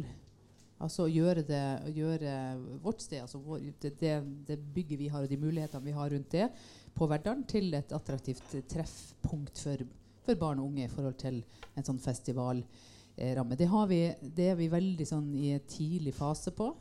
Eh, vi har Vi kommer til å trenge noen år på å, å, utvikle den ideen, men vi har lyst til å starte opp noe der. sånn Der er det på en måte i, i startgropa. Um. Det er på en måte vi kan, er noe vi kan få til ut fra de mulighetene som vi har. Eh, I tillegg så er det sånn at vi satser um, på eh, å, å, lage forestillinger. Sånn det både det med å være med og delta sjøl, og det å, å, bli tatt på alvor som en ung publikummer. I år så er den, den, største og dyreste produksjonen vi gjør, det er en forestilling som har målgruppe fra 13 år og oppover, som heter Noob og som eh, handler om Maria, som er en gamer som er ute og går fordi hun er sur på pappaen sin for ikke han forstår hvorfor hun har vært oppe hele natta eh, og vært på nettet. Eh, og så treffer hun en elg som eh, er ett år, og som er kasta ut hjemmefra fordi at eh, når elgkalvene er ett år, så blir mora drektig igjen, og da blir de bare pælma ut. Eh, så de er litt alene i verden, begge to. Um, jeg skal ikke si så mye mer om det, da, men, men det, det er en sånn det, det, satser vi litt sånn tungt på. Altså der, liksom legger, det, der uh, bruker vi midler. Uh, og det tror jeg er viktig. Jeg tror det er viktig å satse på, uh, på de prosjektene som skal vises til et ungt publikum. Det var litt fra meg. Mm, ja. Ja. ja, ja det er jo litt artig fordi at um, det der stykket som dere nå har sett, 'Å telle til null', det ga jeg til eksamen til dramaturgistudentene for et og et halvt år siden. Der sitter jeg. og så kommer de inn, vet du, og jeg sitter jo der, og det er eksamenssituasjon. Og de er bare så engasjert. Vet du, de har laga kjempeflotte, dristige konsepter. Og liksom det er sånn 'Å, vi har lyst til å sette opp dette stykket. Hvorfor kan ikke vi få sette opp dette stykket?' Så tenkte jeg ja, men jeg må ringe til deg, dus og høre om det går an å få satt opp det stykket. Og så ringer jeg, da, så får jeg høre at i Trøndelag finnes det ikke noe dus. Dus i Trøndelag er lagt ned, befinner seg og foreløpig lagt under Møre og Romsdal. Fordi det var ingen i Trøndelag som ville ta vare på dus, eller utvikle dus. Så da ble det sånn at vi i vår fagseksjon for drama og teater bestemte oss for at da går vi inn som regional partner for dus. Og det har vært litt strålende, fordi da er vår produsent Bjørnar, som sitter der, i gang med å kartlegge mulige DUS-grupper i Trøndelag. Og vi har allerede fått bra respons på det. Og jeg har også lyst til å si at DUS har jo vært litt sånn dramatikktungt på en måte. Men nå har de også åpna opp for det vi kaller for egenskapte produksjoner. Så vi er nå i gang både med å kartlegge, vi er i gang med å søke penger, vi er i gang med å mobilisere, vi er i gang med å få til grupper. Og dette her uh, snakker vi jo med institusjonene om òg. Så vi har jo håp om at det skal kunne gå an å bli et samarbeid omkring akkurat denne DUS-satsinga. Så der er vi akkurat nå, og vi håper jo at dette skal bli en større satsing på ungdomsteater i Trøndelag. At det kan utvikle seg til det. Og at det kan være med å initiere produksjonsplattformer og produksjoner. Fordi DUS er et øh, prosjekt som går over to år. Men det er jo mange flere som har lyst til å holde på med ungdomsteater enn dem som er med i DUS. Så vi er i gang. Og det er vel vårt viktigste bidrag for øyeblikket egentlig når det gjelder ungdomsteater. I tillegg så har jeg lyst til å nevne at vi er jo en forskningsinstitusjon. Tre av mine kollegaer har skrevet sine doktorgrader om ungdomsteater. Og vi er i gang med også disse masterproduksjonene på ungdomsteater, som har en utøvende del og en reflekterende del, som også vil kunne bli en, uh, en forskningsprofil. Og våre masterstudenter får nå fra høsten av tilbud om å gå inn og være instruktører og produsenter i DUS-prosjektene. Så vi får en sirkulering av vår ungdomsteaterkompetanse knytta til bestemte produksjoner i DUS, som vi tror også vil være med å gi DUS et lite løft. Så der er vi. Yes. Skal jeg fortsette, da? Ja. ja. Da fortsetter jeg på alt det positive som skjer. Fordi det er veldig mye fint som skjer i teater for barn og unge. Um, man har veldig mange gode satsinger, som du, du, har nevnt noen. Og I tillegg så har du Barneteatret vårt i Ålesund. I Oslo nå så bygges Kloden. Sentralen har satsa tungt på teater for barn og unge. Mest for barn, skal sies. Ikke så mye for ungdom. Men jeg tenker at målet eh, kan jo godt være at det skal være et teater som er dedikert til ungdomsteater. Eh, det fins levedyktige teatre rundt om i eh, Europa eh, som klarer en sånn modell, som også kombinerer det med et fast hus, men også samtidig med turnévirksomhet. Men jeg tenker at vi må ta det steg for steg. Eh, og det her er gode steg å ta. alt det som vi har sagt nå.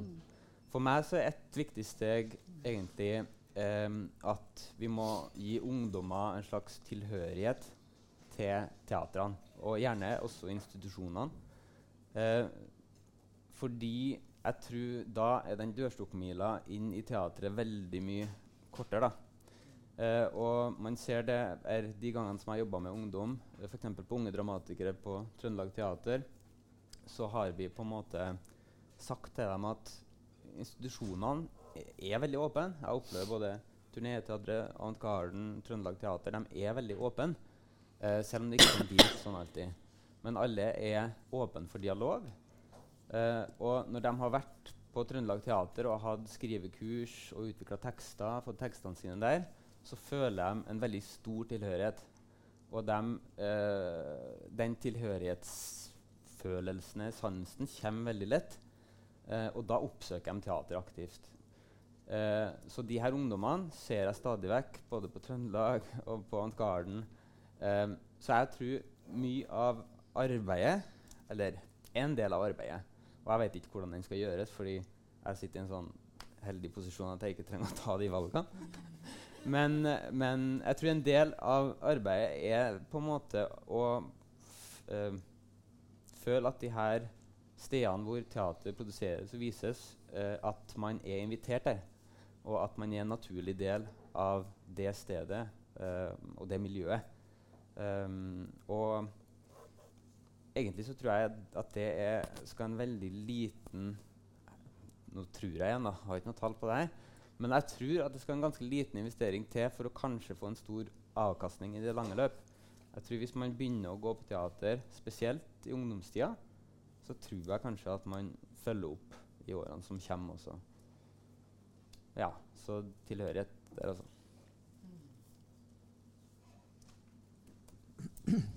Uh, ja, til det siste så er jeg jo helt enig. Uh, det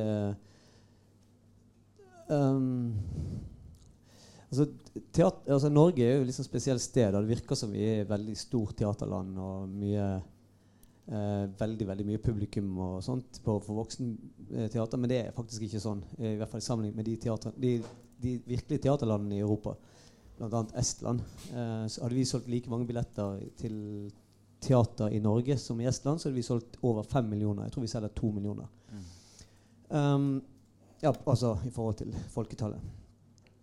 Um, vel um, Jeg har lyst til å komme inn på noe, noe liksom, Det som er annonsert i sted. Da, det, den verden som er rundt oss. og Som, som vi alle vet, så er Um, uh, Norge er nå Norge, men utlandet er minst dobbelt så stort. Eh, så det, det er jo sånn at eh, vi trenger ikke nødvendigvis bare se innover eh, for å finne gode praksiser. Eh, vi er jo et internasjonalt felt, eh, så vi, vi ser jo nødvendigvis utover, og vi reiser mye eh, og, og ser mye eh, av hva som foregår andre steder. Og det som slår meg, er at eh, Før jeg skal komme med noen eksempler, da, det, det er liksom tilnærmingen. Um, jeg opplever at veldig mye i Norge så handler det om et veldig sånn mimetisk teatersyn um, i, forhold til, uh, i forhold til ungdom. At de, ungdom kommer på teater for å speile seg. For å, gjen, for å gjenkjenne de blå lysene og sånne ting. Da. Nå skal jeg ikke si noe om den forestillingen, for jeg har ikke sett den. Um, men men det, er, det, er veldig, det er et veldig typisk eksempel, og det, det er ikke noe galt i det. Men det fins også andre måter å lage ungdomsteater på som jeg ser veldig lite av i Norge. Uh, og det er eh, der uh, ungdommer ikke nødvendigvis speiler seg eller ser seg sjøl, men ser noen andre som eh, de begynner å reflektere over. Og da kan det komme, no komme noen eksempler. Um, det fins et kanadisk eh, kompani som heter Mammalian Diving Reflex fra Toronto. Um, de lager forestillinger eh, sammen med ungdom, der ungdommen er liksom de som um, Som gjør jobben um, på mange måter. Ideen kommer fra selve kompaniet. De har bl.a. et prosjekt som jeg ikke husker navnet på, men som handler om at ungdom spiller eh, plater, altså er DJs, på, på en fest for voksne. Um, og da um, I løpet av den festen så uh, blir voksne sånn som de pleier å bli på fest. Um, ja. Både, både veldig lystige på alle mulige nivåer eh, og eh, eh, veldig fulle. Um, og så kan man spørre seg hva er det kunstopplevelsen her? Liksom, hva er, hva er, altså det, det som er interessant, er jo at de ungdommene både eh, er med og iscenesetter dette, og er publikum til de som faktisk er eh, en del av spillet, uten at de egentlig vet det. Mens de ungdommene vet det. De vet, de vet de sitter på flere sider av i et, eh, i et litt iscenesatt spill.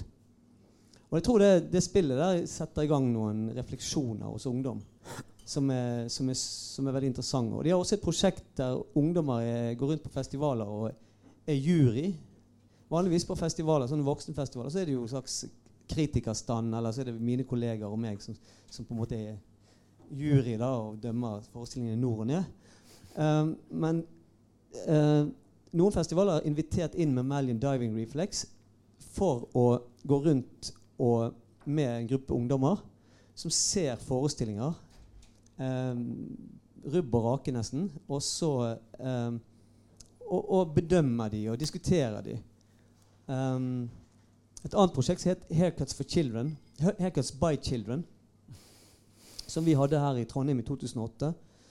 Um, da um, jobbet de med ung, uh, altså veldig unge ungdommer. Altså helt sjette klasse, sjuende klasse. sjuende klasse um, på Lilleby uh, skole.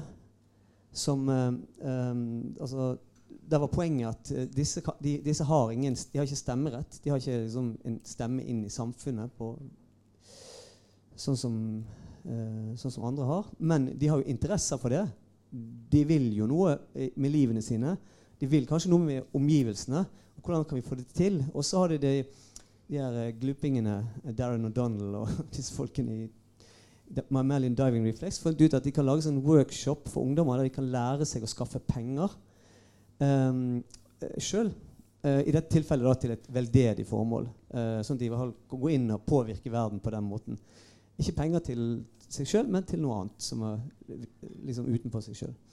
Og da det, fikk de en workshop da med en eh, sånn H2O-frisør på skolen. Um, eh, virkelig bra frisør, da, som lærte de, de grunnleggende tingene. eh, som gjaldt klipping. Og så var selve performancen var, eh, at voksne måtte komme og sette seg under saksen og bli klippet av disse her eh, 13-åringene. Um, og det var et veldig fint prosjekt. eh, som, eh, som satte i gang så utrolig mye hos meg. Um, og skapte en relasjon forhold til den som klippet meg. Det handlet veldig mye om tillit. Um, jeg vet at det var noen som bestilte, hadde bestilt time etterpå hos en ordentlig frisør. Så feig var ikke de fleste. De, var, de lot resultatet bare være der, og så minnet om at her er det noen Her har man liksom ja, gitt på en måte tillit til, til unge mennesker. Og det, um, det er det de gjør. De, de, de i praksis kalles for um, um, De kaller det sjøl for uh, social acupuncture. Så de går inn liksom, og jobber på små flater. Uh, um, men, men presentivt ganske stor virkning for de det gjelder, de som er med. Og skaper eh, både debatt og muligheter som disse ungdommene kanskje ikke så før de var med på det prosjektet. Og så har jeg en haug med andre prosjekter fra Belgia. Vi får se om jeg kommer på ja. mm. Får jeg bare Ja, jeg, jeg må bare si at jeg er helt enig. Det er så utrolig Altså, det, Størsteparten av ungdomsteater er, har et slags mimetisk forhold. Eh, og jeg tenker at det er utrolig viktig at uh, de her ungdommene uh, føler tilhørighet til andre måter å lage teater på også. Uh, og og um, det er Det er kanskje ikke noe som um, kommer automatisk. Det må uh, vi på en måte eh, gi dem tilhørigheten til på en eller annen måte. Og det er så utrolig viktig, fordi det er tusen måter å forstå verden på. Um, og um, det her henger også sammen med de som tradisjonelt sett programmerer ungdomsteater, tror jeg. Uh, F.eks. i DKS. Der har den type forestillinger som du beskriver, vanskelige kår. Eh, fordi, tror jeg, at de som programmerer dem, nødvendigvis ikke liker den måten å forstå verden på. Eh, og det er utrolig mange gode forestillinger som skapes som har et sånt eh, hva skal jeg si, En annen måte å forstå verden på. En annen måte å beskrive verden på som nødvendigvis ikke blir tatt opp og vist for ungdom fordi at de blir sett på som rar eller uforståelig. Eller. Og det her henger sammen. Altså, et, sted må det starte. Det som er spennende, det er jo at eh, f.eks. Avantgarden har jo alle muligheter til å initiere nye sånne type prosjekter i, eh, i et nytt teaterlandskap fremover. Og så har jeg lyst til å utfordre dere litt noe sånn på tampen. Eh, hvis dere skulle invitere noen av de andre i panelet Eh, eller noen av de i salen òg, for så vidt. Til å være med på noen nye prosjekt. Noen nye samarbeidsformer som vi kanskje ikke har prøvd før. Hva kunne det ha vært? Det her er ikke forpliktende, altså, selv om det streames. vi stikker ikke av med. eh, hvis vi tenker litt høyt rundt eh, hvilke konkrete ting er det man kunne se for seg at man kunne gjort i lag? Det er kommet opp en del ting her, f.eks. festivaler og Nora snakka om. Noen, ser man for seg noen sånne samarbeid med, med, med hverandre? Vi har jo tre profesjonelle teaterhus. Eh, et profilert forskningsmiljø på eh, ungdomsteater på Dramateater. Vi har Cirka Teater som er en stor ressurs. eh, som har basisbevilgning. Og vi har mye som vi kan kanskje bruke på enda på nye måter. Så er det noen som har noe innspill på det? Ja, jeg har nevnt et par sånne ideer som vi har fremover. Men jeg tenker at det med å blande ulike miljøer er alltid Eller det kan komme noe bra ut av det. Man vet jo aldri, Det er jo det som er risikoen med å sette i gang prosjekter. Man vet ikke om det blir vellykka eller ikke. Men det å skape rom for å, altså et møte mellom eh, skapende kunstnere, eh, unge folk med lite erfaring, men masse, mange ideer. eh, interesse for teater, lyst, uttrykksbehov. Eh, forskning, altså et forskermiljø. Et, en, en, en festival kan jo godt inneholde ulike, ulike deler. Altså det kan være, et, det kan være en, en hel et, en, program, en del av programmet som er initiert av et forskningsprosjekt. Altså kan, ideen kan komme fra hvor som helst, men det, det handler jo om eh, i første omgang at man, at man, møtes, og at man har, liksom kan tenke i lag og skape rom for at sånne ting skal skje. Eh, det er ofte eh, hva skal jeg si, for travelt i hverdagen til å få det til. Vi har nok å gjøre med å produsere det vi skal, og holde hodet over vannet. Og holde budsjettene våre og få liksom gjort alt det vi skal. Sånn at det der med å få til eh, alt det her som, som kan kruse på overflata, enten det eller kanskje til og med liksom være noe som, som bobler under, Få fatt i noe som bobler under overflata, det er jo noe som man egentlig burde strekke seg til kanskje i enda større grad.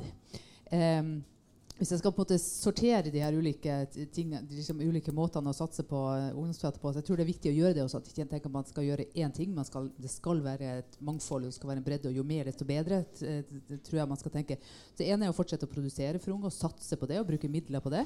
Eh, det andre er å samarbeide med unge, altså hente inn impulser i forhold til hva det er man satser på, og hva man skal gjøre. Og det tredje er å skape rom. Og det er kanskje der man kan møtes Selvfølgelig kan vi samarbeide med Avantgarden, og vi samarbeider også med Trøndelag altså om å lage ting. Jeg kan hyre Kristoffer for å skrive en ung tekst. Men det å skape eh, rom hvor det kan oppstå nye ting, det, det, hadde vært veldig veldig spennende. Og det kan man jo bruke disse husene til. disse institusjonene til. Altså skal det, og Der finnes det jo rom. Eh, og et element av ungdomsteateret er jo at det er ferskvare det går ut på dato. Hvis du skal treffe en, en, generasjon, så er det på en måte det som gjelder akkurat der og da for dem som er i det alderssegmentet akkurat nå. Og så går det fire år, og så er det noe helt nytt. Sånn at man må på en måte Det er vanskelig å skape, lage klassikere um, for unge. Og man må skape rom, tror jeg, for å la nye ting oppstå. Uh, ja, så rent umiddelbart får jeg veldig lyst til å invitere Per uh, altså Disse spennende eksemplene kunne jo være veldig inspirerende å få inn i DUS.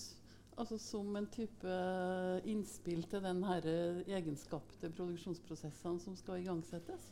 For Jeg tenker at uh, jeg har jo sett noen av de der egenskapte DUS-produksjonene og det var jo liksom 13-14 jenter som hadde gått på konfirmasjonsskole sammen på Lillehammer, og som laga en utrolig happening som handla om å være etnisk norsk. Så jeg mener det fins åpninger og rom også for å bringe noen av de her mer konseptuelle tankene av den typen inn i DUS. Så tror jeg at teater er et geografisk spørsmål. Eller mer enn noen annen kunstart så er teater faktisk et geografisk spørsmål. Og jeg hvis vi kunne ha begynt å diskutere, samarbeide om, sett på kanskje ulike former for produksjoner Jeg mener at mange av våre produksjoner er gode oppslag til veldig særegne ungdomsteaterproduksjoner som kunne ha vært utvikla videre. Og jeg mener at vi trenger et prosjekt hvor vi kan få en scene i Trondheim, et sted hvor vi har en regelmessig barne- og ungdomsteaterprofil og hvor vi kan få til visninger både av egenproduserte initiativer, få ressurser til å løfte produksjoner, og til også å hente inn produksjoner. Det kunne vi gjort som et forsøksprosjekt over tre år, eller noe sånt, og sett om det var mulig å få det til. Det ville jeg synes var fryktelig spennende, og det går jo inn i den som Nora sier, la oss bruke det rommet vi har, til å se hva som fins av ideer, ressurser, handlekraft, muligheter. Så tror jeg vi kan komme videre. Ja, virkelig. Ja, altså det er jo eh, det er to teatre som jeg vil nevne som, eh, eh, som veldig interessante når det gjelder barne- og ungdomsteater i Europa. Det, er, heter, det ene heter Teater an der Parkaue i Øst-Berlin. Um, som både lager relativt tradisjonelt teater, men også jobber med grupper som, som setter hele teatret på hodet. Og um, Uh, og som, uh, som, lager forestillinger også for voksne. Men f.eks. det fantastiske tyske kompaniet som Showcase Beat Le. De har tatt klassikere i tysk litteratur, altså barnelitteratur. Um, blant annet det Räuber Hotzenplotz. Uh, som de laget en helt fantastisk legendarisk versjon av. De som har lyst til å se den på video Jeg har faktisk ganske god videoregistrering av den på kontoret. Bare for å se men ok, dette er barneteater. Det, altså, de lagde et, et, en, en, en, stykke som barneteater. Men det er blitt en legendarisk oppsetning som liksom hele Tyskland snakker om. Uh, som de jobber, de jobber eh, ut ifra en performance-tradisjon. Uh, og så vil jeg nevne et teater i Brussel som heter Bronx. Eh, eh, som eh, jobber med barne- og ungdomsteater, og som jobber også i et nytt sånn, ny estet, estetisk praksislandskap. Men ikke bare. Men i veldig stor grad. Det som, hvis vi skulle samarbeide om noe, så tenker jeg en, at det er viktig at vi blir gode på det vi holder på med. Eh, vi, kan, vi kan bli mye bedre enn det vi, det vi, det vi gjør, alle, eh, hele tiden. Så jeg synes man liksom eh, Man skal liksom ikke gape over for mye heller. Men det kan være en god idé av og til å prøve å gape over noe nytt. Um, så, um, så jeg tenker at liksom eh, det, det er kanskje en skepsis som går begge veier i forhold til eh, representasjonsteater da? Eh, um, og performance-basert performance teater. Der man kanskje Og som, som helt, det, det er liksom to modeller som, som er veldig tydelige i, samtidsteater for ungdom. Uh, der, der det faktisk er mulig å kanskje uh, prøve ut hverandres modell. Uh, og så kanskje se hva kan det bli ut av hvis, hvis vi skulle ha fått en, en, veldig, fått en gruppe inn som jobbet veldig, veldig tradisjonelt. hvordan skulle vi kontekstualisere det uten at vi på en måte selger sjelen vår? Vi, vi, vi, har på en måte et slags mandat som, som handler om liksom å prøve det uprøvde og sånn, og pløye ny mark og sånne ting. Altså liksom en risiko på den måten. Men det, kanskje det er også en risiko å gjøre noe, noe som er veldig tradisjonelt for oss. Uh, og se hva det kan uh, bidra til. da. Så det er utfordringen er mer rettet mot meg enn mot de andre. Så får de andre ta opp uh, hansken. Elisabeth, som ikke er her, men hun skal lage performance-teater her fremover. Ja. ja. jeg er enig i utforsk det uvante alltid. Og så tenker jeg bare sånn Bare for å ha nevnt det, da, fordi det er, mange, det er veldig fort at man tenker at tekst er lik mimetisk teater. Det her handler om hvordan man jobber med tekst. Altså, den største klassiker kan være totalt happening. Og det må vi lære noen. Vi må lære de her som jobber med teater, at eh, tekst er bare ett av utallige eh, inspirasjonskilder på linje med alle andre elementer. Det er så utrolig viktig, tenker jeg.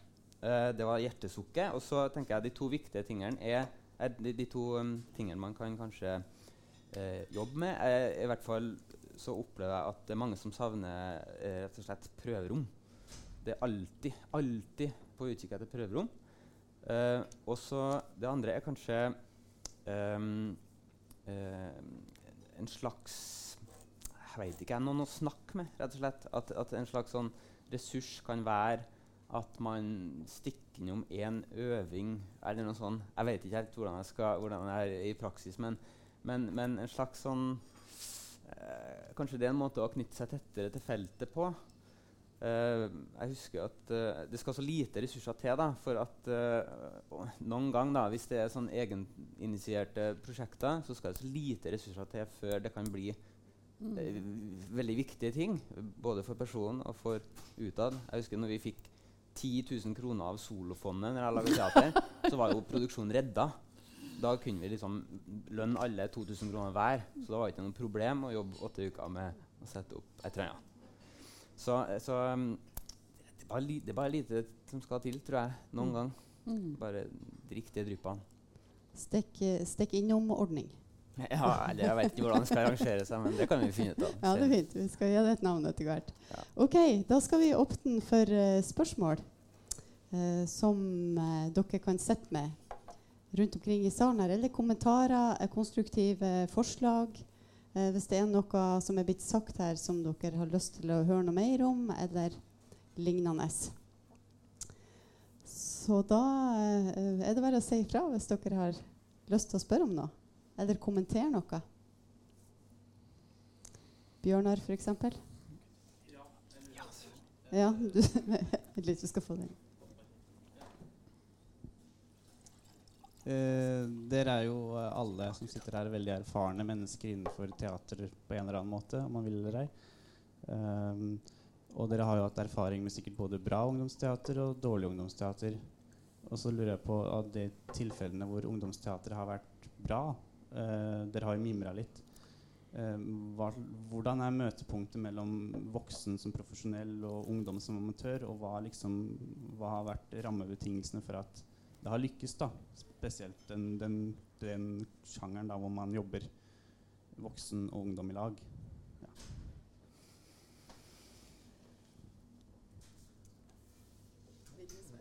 Ja, da får jeg jo trekke frem de eksemplene fra Belgia, da. um, ja, takk. Um, nei, altså Det, det fins et teater i Gent i Belgia som heter Campo. Um, det, er en, uh, det er et navn som de fikk uh, Eller to teatre slo seg sammen. Det var Nivport og, og, og Victoria. Um, Victoria hadde et prosjekt fra 2000-tallet, uh, tidlig 2000-tallet, der de uh, inviterte inn profesjonelle scenekunstnere uh, for å lage prosjekt med ungdommer på scenen. Um, et av de prosjektene har vært her i Trondheim, het Ybung.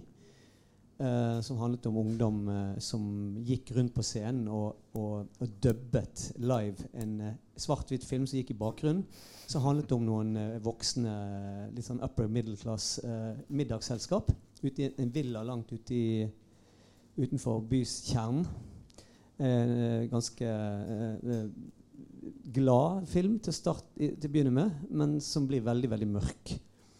Um, og som handler om svik og utroskap og ja, alt man gjør i fylla som er galt eh, når diverse par kommer sammen og de har levd sammen noen år. Um, de har også laget, altså Det er bare ett prosjekt. De har også et prosjekt som heter, som de laget med Gob Squad. Uh, Gob inviterte no, hadde noen barn inne som, der barna snakket til seg sjøl i fremtiden. Sånn eh, fem år frem i tid. Eh, ti år frem i tid, 15 år frem i tid. Og så spurte jeg denne, fem, spurte denne lille jenten på åtte år som var på scenen hva, eh, du, hva har du gjort av bamsen? Hæ? Hvilken bamse? Um, og det, det, disse prosjektene handler jo om modning uh, uh, og alderdom og til slutt død. Disse forferdelige temaene som, veldig, som jeg syns jeg veldig sjelden ser i, i, i barneteater, bortsett fra Brødrene Løvehjerte, kanskje.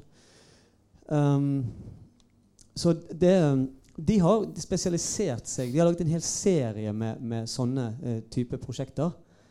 Um, som handler om at barn eller, eller ungdom ikke nødvendigvis uh, speiler seg sjøl, men ungdom speiles i Eller settes i relasjon til noe annet. Og Det syns jeg er super, super interessant. Og de har veldig mye publikum. Ungt publikum på de prosjektene. Um, Fint. Nei, altså, jeg tenker jo at de her 2000-3000 ungdommene i Trondheim som ser våre produksjoner hver høst Egenskaper til produksjonene. Jeg har vært med og opplevd en del av både produksjonene og publikumsreaksjonene. Så det er i hvert fall et eksempel på en måte å lykkes på. Og jeg har jobba med ungdomsteater både innenfor ungdomsklubber, innenfor skoleverket og ulike sammenhenger. Og jeg tenker også sånn, noe av det, og det var vel i en periode hvor det ikke var noe ungdomsteater. Og det noe av fascinasjonen er jo på en måte at de unge spiller de unge. Jeg opplever at den estetikken som fins i ungdomsteatret på den måten, har en helt sånn særegen uh, betydning i denne unge kontrakten mellom scene og sal, og i også både skuespillermessige og andre kunstneriske valg i forhold til forestillingen. Så det, det tenker jeg er en, det er en viktig sånn, erfaring som jeg har, i hvert fall. Jeg tenker, så I møte voksen ungdom, var det var spørsmålet? Jeg svarer på noe likevel. jeg. Men det var i hvert fall at eh, det at jeg tenker det må være um, et reelt møte. da. At man, og når man møter noen, så er det en utveksling av uh, ja, erfaringer og, og virkelighetsforståelser.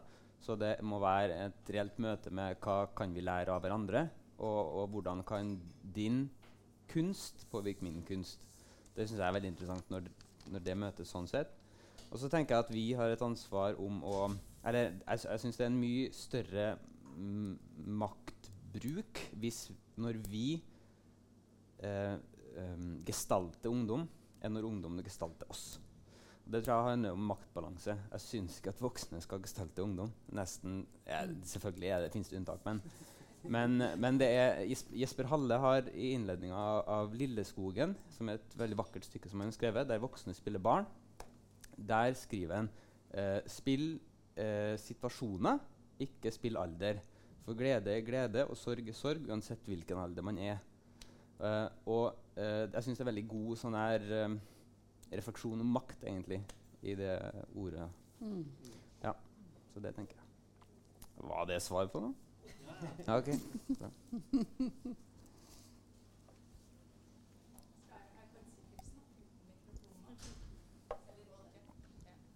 Uh, hei, jeg heter Monica og jobber i Cirka Teater. Men jeg, jeg sitter egentlig og tenker eh, Jeg har en eh, sønn på 17 som holder på masse med teater. Så jeg tok en, en eh, samtale med han i morges, for jeg tenkte Mm. jeg, jeg kommer stadig tilbake. Vi jobber jo mye med scenekunst for barn. Og veldig tidlig mens jeg jobba i Cirka Teater, så var jeg på et sånt seminar på Showbox i Oslo. Der man spør hvordan lykkes vi med å lage scenekunst for barn.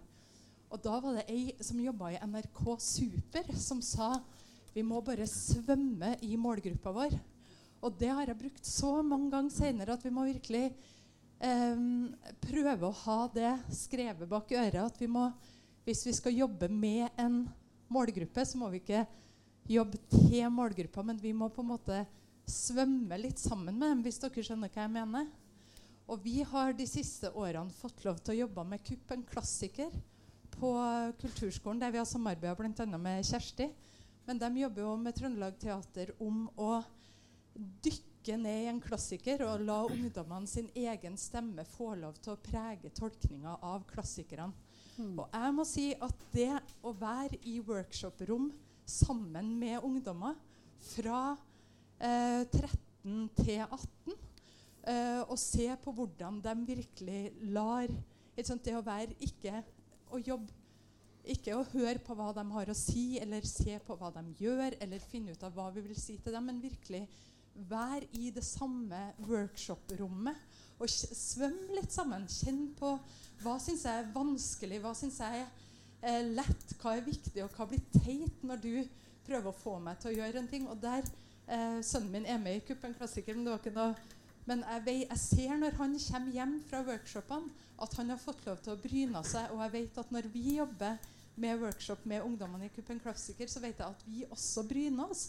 Og det tror jeg er litt viktig at vi som sitter og er i det proffe feltet, kanskje er litt nysgjerrig på hvor finner vi de her ungdommene hen. For jeg vet jo at jeg ser at vi har noen fra Isak her. Og jeg vet jo at på Isak så kryr det av egenskapte ungdomsproduksjoner. Og jeg er skikkelig dårlig til å fære oppsøke dem. Men jeg tenker at kanskje er det den her få til en sånn symbiotisk eh, badestamp, der vi ikke bare er opptatt av å få ungdommene til å komme og se og engasjere seg i vårt, men der vi kanskje må bli litt flinkere til å begynne med oss sjøl og gå og se på hva det er ungdommene lager når de lager noen ting.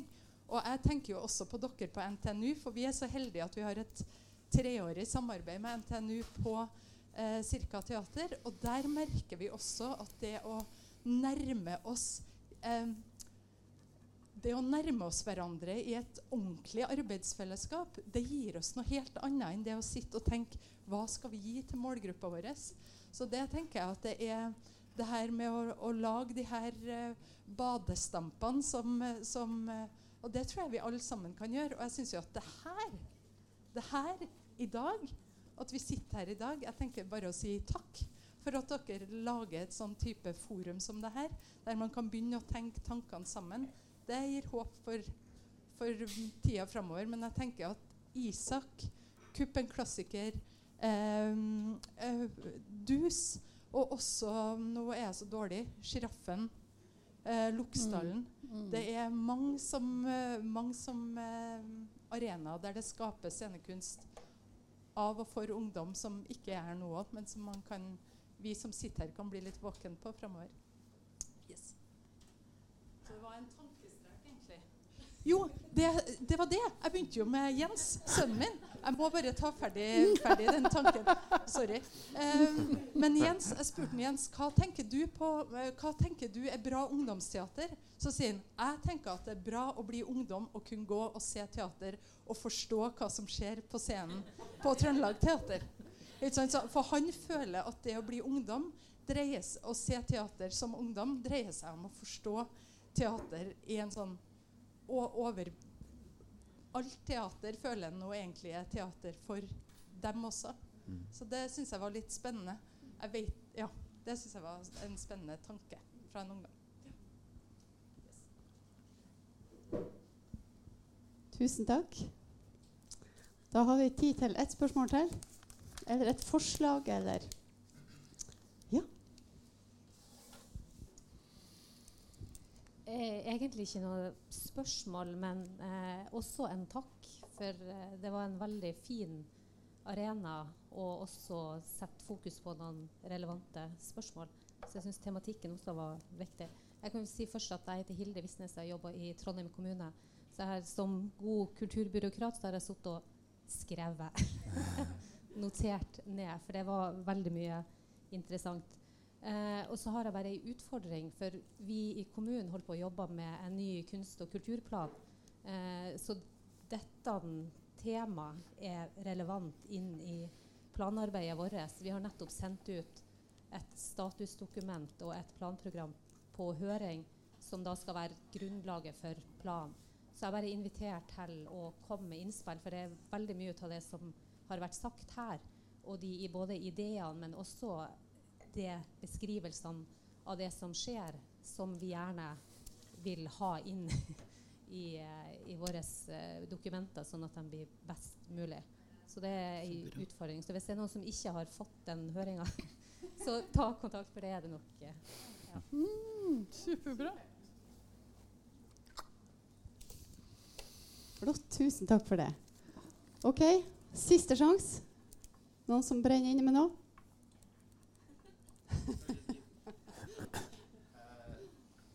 Nå har vi jo vært innom litt mimring, så jeg bare lurer på hvis man eh, tenker litt framover um, Og så ser man litt bort ifra hva som er realistisk, eh, med budsjetter og tid og alt sånt som man strever veldig mye for, og som er en fæl realitet. Um, om dere har noen, sånn, ja, noen artige avslutningstanker om, om hva kunne man gjort da hvis man hadde hatt midler og hatt tida? Og liksom, hva hadde vært din på en måte deres um, lidenskap rettet mot ungdomsteater? Hva ville dere gjort? Hvis vi hadde sett litt bort ifra hva som er realistisk gjennomførbart, og må ikke forsvare at det, vi kan ikke gjøre det og det, og sånn, sånn, men um, hvis man ville. Jeg tar den. Laga en nasjonal scene for ungdomsteater, sånn som de nettopp har gjort i Sverige. I, fra 1.1.2018 eh, 2018 ble Unge Klara eh, den nasjonale scene for ungdomsteater i Sverige. Og der jobba de eh, med mange spesielle eh, og fascinerende og gode innfallsvinkler til å lage nyskapende ungdomsteater. Eh, fra mange ulike vinkler. Så det, jeg, jeg ville pøsa eh, energien inn der. det var det korte svaret. Å ja. Nei, det var, altså, jeg hadde bare lyst til å være litt sånn teaterhistorisk og kanskje litt sånn frekk, eller jeg vet ikke helt. Men altså, hvis man ser på teaterhistorien og ser på hvilke ensembler som har skapt nytt teater, nytt formspråk, klart å utvikle det, så er det liksom at man gir fem folk som er profesjonelle kunstnere, gira. Uh, treårskontrakt eller femårskontrakt, en scene, et produksjonsnettverk, og si 'go for it'. Sånn var det med Stanislavskij, sånn var det med Brecht, sånn var det med Moshin, sånn var det med Peter Stein, sånn var det med alle. Så det jeg savner i Norge, er jo på en måte også at institusjonene satser på å opprette et uh, teaterung, eller sceneung, som de jo har gjort, og er masse eksempler på, og det har eksistert i 40-50 år både i Sverige og i Danmark. Så det ville jeg gjort. Ja. eh, veldig, veldig god idé. Eh, bare én ting å si om det. At eh, de, Alle de du nevnte, de hadde jo faktisk sånne originale ideer. Eh, og det er ikke alltid Hvis du gir fem skuespillere eller noe sånt Nei, en scene og jobb i tre år, at de har noen kjempeoriginale ideer som gjør at teatret utvikler seg eh, for evig og alltid. Dessverre så er det ikke sånn. Hvis det kommer tre eller fem eh, helt geniale med originale ideer Selvfølgelig, de må jo få penger med en gang.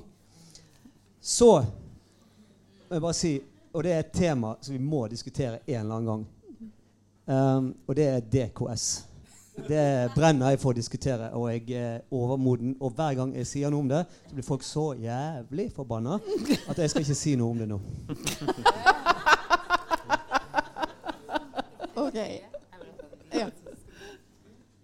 Jeg skal være kort. Har du lyst til å si Eh, jo, jeg tror at vi eh, eh, det her er for det første kanskje en start på et eller annet. At man bare må tørre å satse. Og så må man si at man, er, man finner et tidspunkt og inviterer inn og gjøre gjør det til et samarbeid mellom ulike institusjoner. Eh, og så må man finne Ofte så er det jo Det handler om, det handler om tid, mulighet, eh, logistikk, budsjett. Det er mye sånn praktisk rundt, sånn, rundt kunsten. Men uh, ofte så må det, hvis man, til, hvis man klarer å tilrettelegge for det praktiske, så, så kan det også oppstå uh, gode ting. Og hvis man sier at nå skal vi, nå skal vi uh, skape rom for ungt teater, vi definerer noen rammer, vi inviterer inn noen samarbeidspartnere, vi definerer hvor det skal være, så, og så ser vi hva som skjer. Det går an å starte der.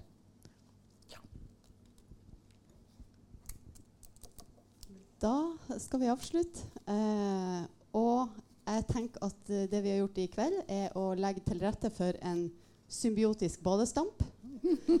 som vi kan eh, fortsette å bade oss i fremover, og kanskje bli enda mer konkret etter hvert. Eh, jeg vil si tusen takk til eh, det flotte panelet vi har hatt. Eh, tusen takk til studentene ved NTNU. Og tusen takk til Litteraturhuset. Tusen takk for oss.